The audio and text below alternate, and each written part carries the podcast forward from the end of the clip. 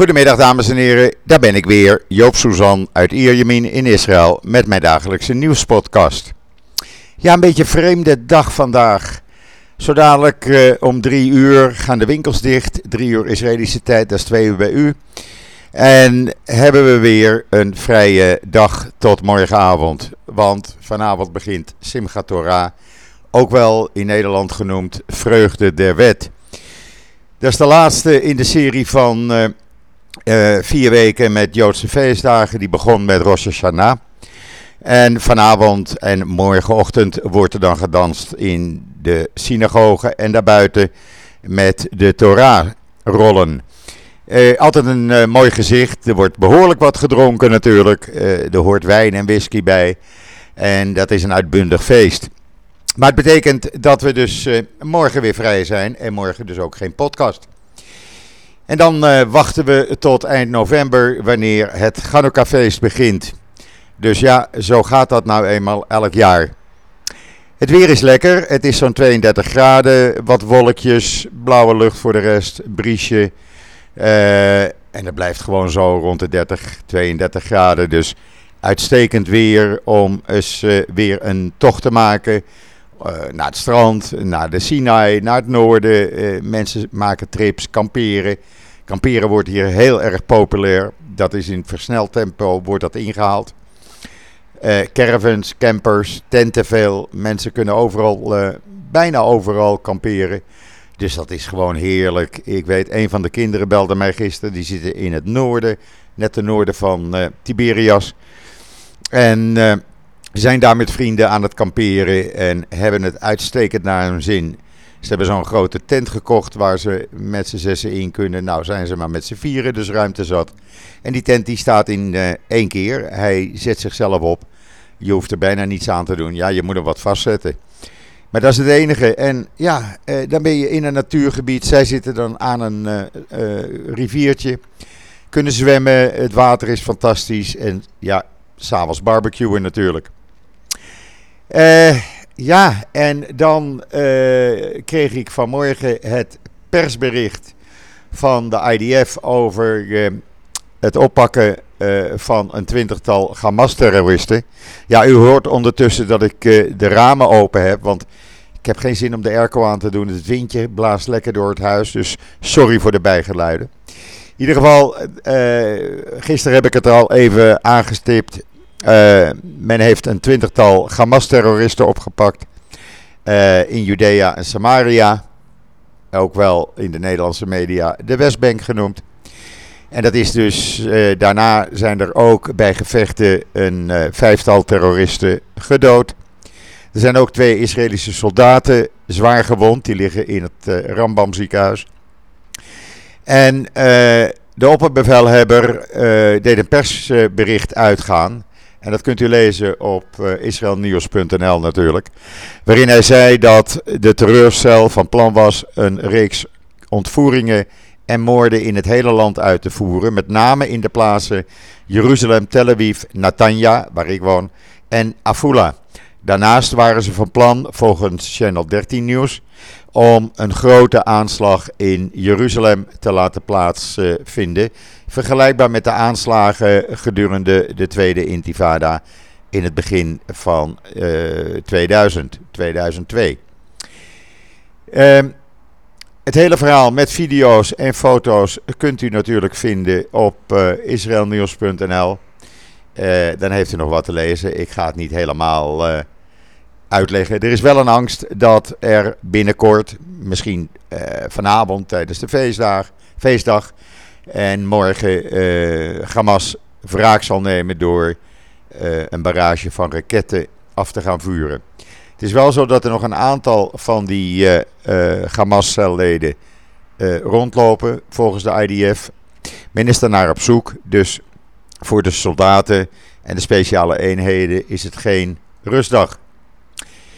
En dan, uh, ja, goed nieuws. Opnieuw een daling. Niet alleen van het aantal patiënten in de ziekenhuizen, maar ook het aantal actieve patiënten. Uh, waar dat eerst nog, uh, waren er op zaterdagavond 63.022 actieve patiënten. Op zondagavond was dat gedaald naar 57.724. Dus dat gaat lekker eigenlijk. Dat gaat de goede kant op. En van de 1026 patiënten in de ziekenhuizen op zaterdagavond waren er gisteravond nog 974 over. Ook het aantal ernstig zieken is gedaald met een veertigtal, nog 671 ernstig ziek. En er liggen 274 mensen kritiek. Dat waren de 284. Met 125 van hen aan de beademing. En dat waren er op zaterdag 144. Het dodental, ja helaas, het blijft stijgen. Het staat nu op 7684. Ook deze keer werd er met nadruk op uh, weer vermeld door het ministerie van Volksgezondheid dat het overgrote merendeel van de patiënten in de ziekenhuizen niet is gevaccineerd en jonger dan 60 jaar is. Van de mensen in quarantaine is bijna 60% jonger dan 20 jaar. Met name kinderen tot 12 jaar vallen daaronder en jongeren die nog niet uh, zijn gevaccineerd. In het artikel op israelnieuws.nl ziet u ook de grafiek met de laatste stand van zaken over het aantal niet gevaccineerde, gedeeltelijk gevaccineerde en volledig gevaccineerde. Nou, daar ziet u duidelijk in dat het aandeel volledig gevaccineerde minimaal is. Eh, gelukkig, want dat betekent dat de derde boostervaccinatie dus werkt. In tegenstelling tot een aantal mensen op uh, social media die mij proberen te overtuigen van hun gelijk, dat de meeste mensen in de ziekenhuizen drie keer gevaccineerd zijn. Nou, het is gewoon niet waar. Ja, en dan krijgen we vanaf komende zondag te maken met nieuwe regels. Dat betekent dat het groene paspoort alleen nog maar geldt voor mensen die drie keer zijn gevaccineerd. Uh, men heeft dat bewust gedaan. En dan krijg je dus toegang tot restaurants, evenementen, theaters, etc.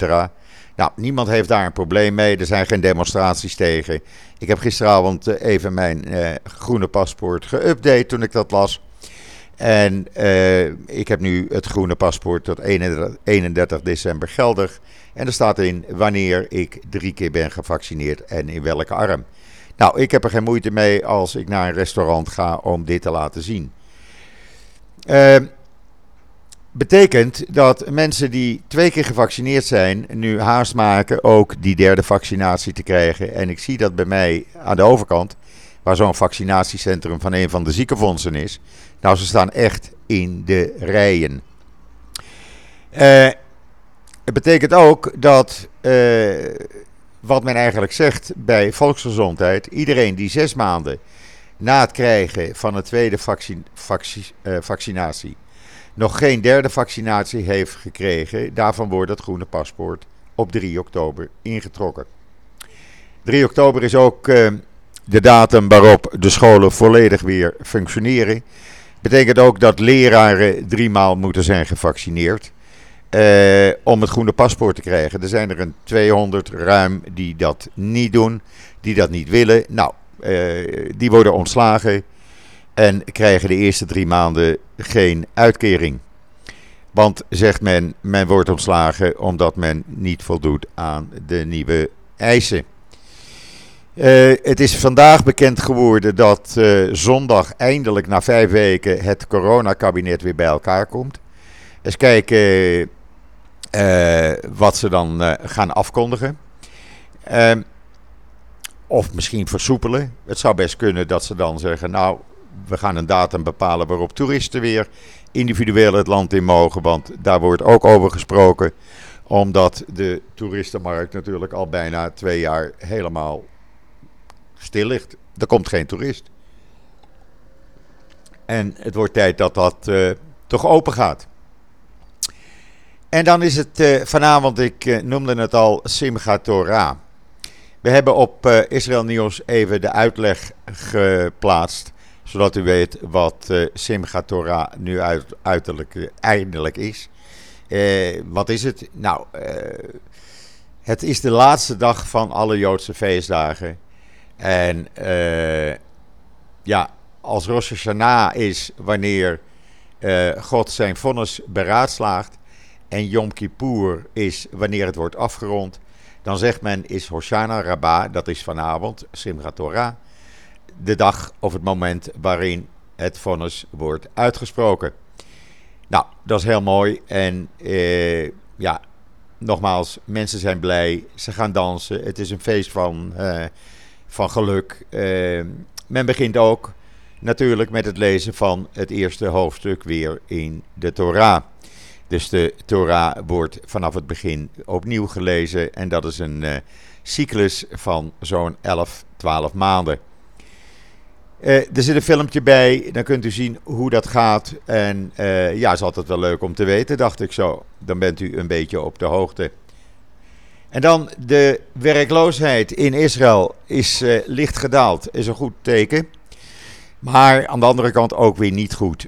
Het totale werkloosheidspercentage staat nu op 7,8 procent. Dat is lager dan in juli, toen was het 8,1 procent. Maar eh, als je nagaat dat voordat de coronapandemie begon, de werkloosheid 3,4% was, dan is dat gewoon erg veel. Eh, dus we hebben nog een hele weg te gaan. Eh, er zijn nu uh, zo'n 334.000 mensen nog werkloos of met onbetaald verlof. en dat zijn toch, toch veel, veel mensen. En dat moet echt gaan dalen. Maar ja, zolang alles open is, zegt premier Bennett. Ja, dan hoeven we de economie geen steun te verlenen. Want dan doet de economie het natuurlijk uitstekend. En daar heeft hij ook weer gelijk aan.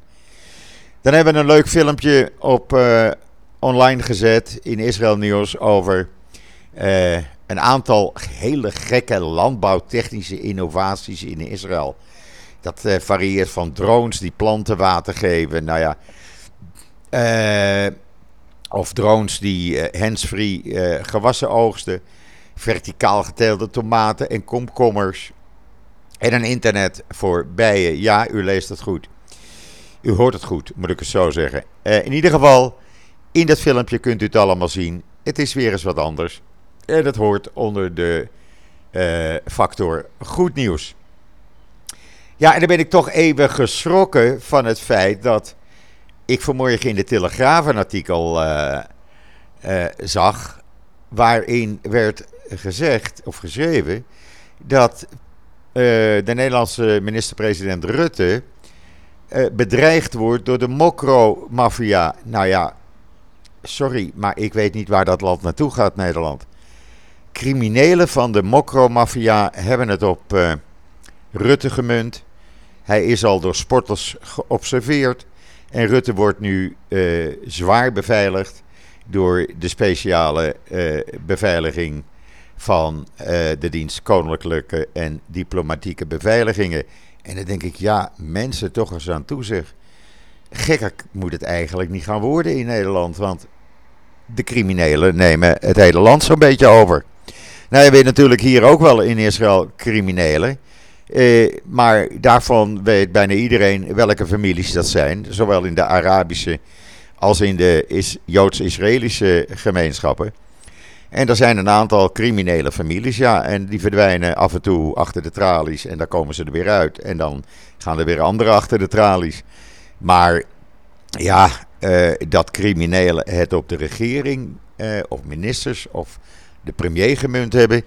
Dat heb ik hier in Israël nog nooit meegemaakt. En ik woon hier nu 21 jaar. En dat hebben we nog niet gehad.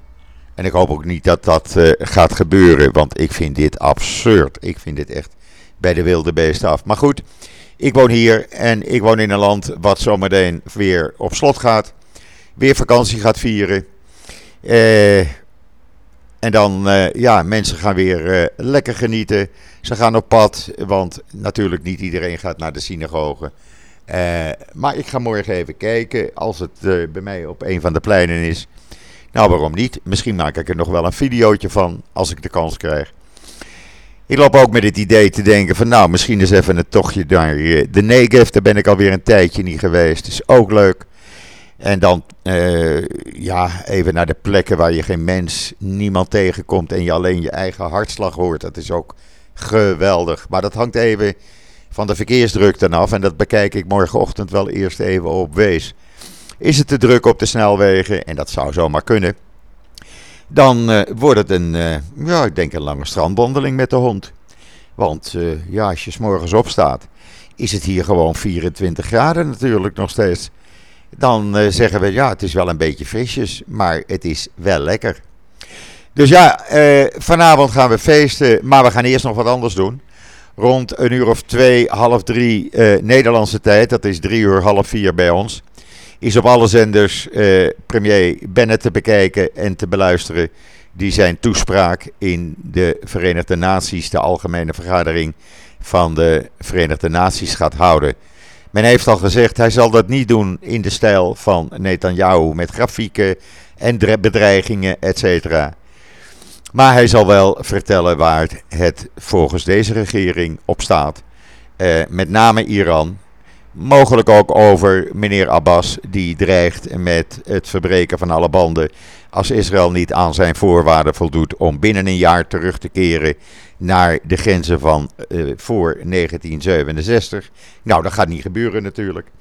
Dus ja, we zullen wel kijken wat hij uh, te vertellen heeft. Het is uh, denk ik voor Bennett wel een spannend moment. Het is de eerste keer dat hij dat gaat doen. dus ja, maar eens even kijken hoe die, uh, hoe die uh, dat gaat doen op dat belangrijke internationale podium. Hij heeft gisteravond met een aantal ministers van de Emiraten en Bahrein gesproken.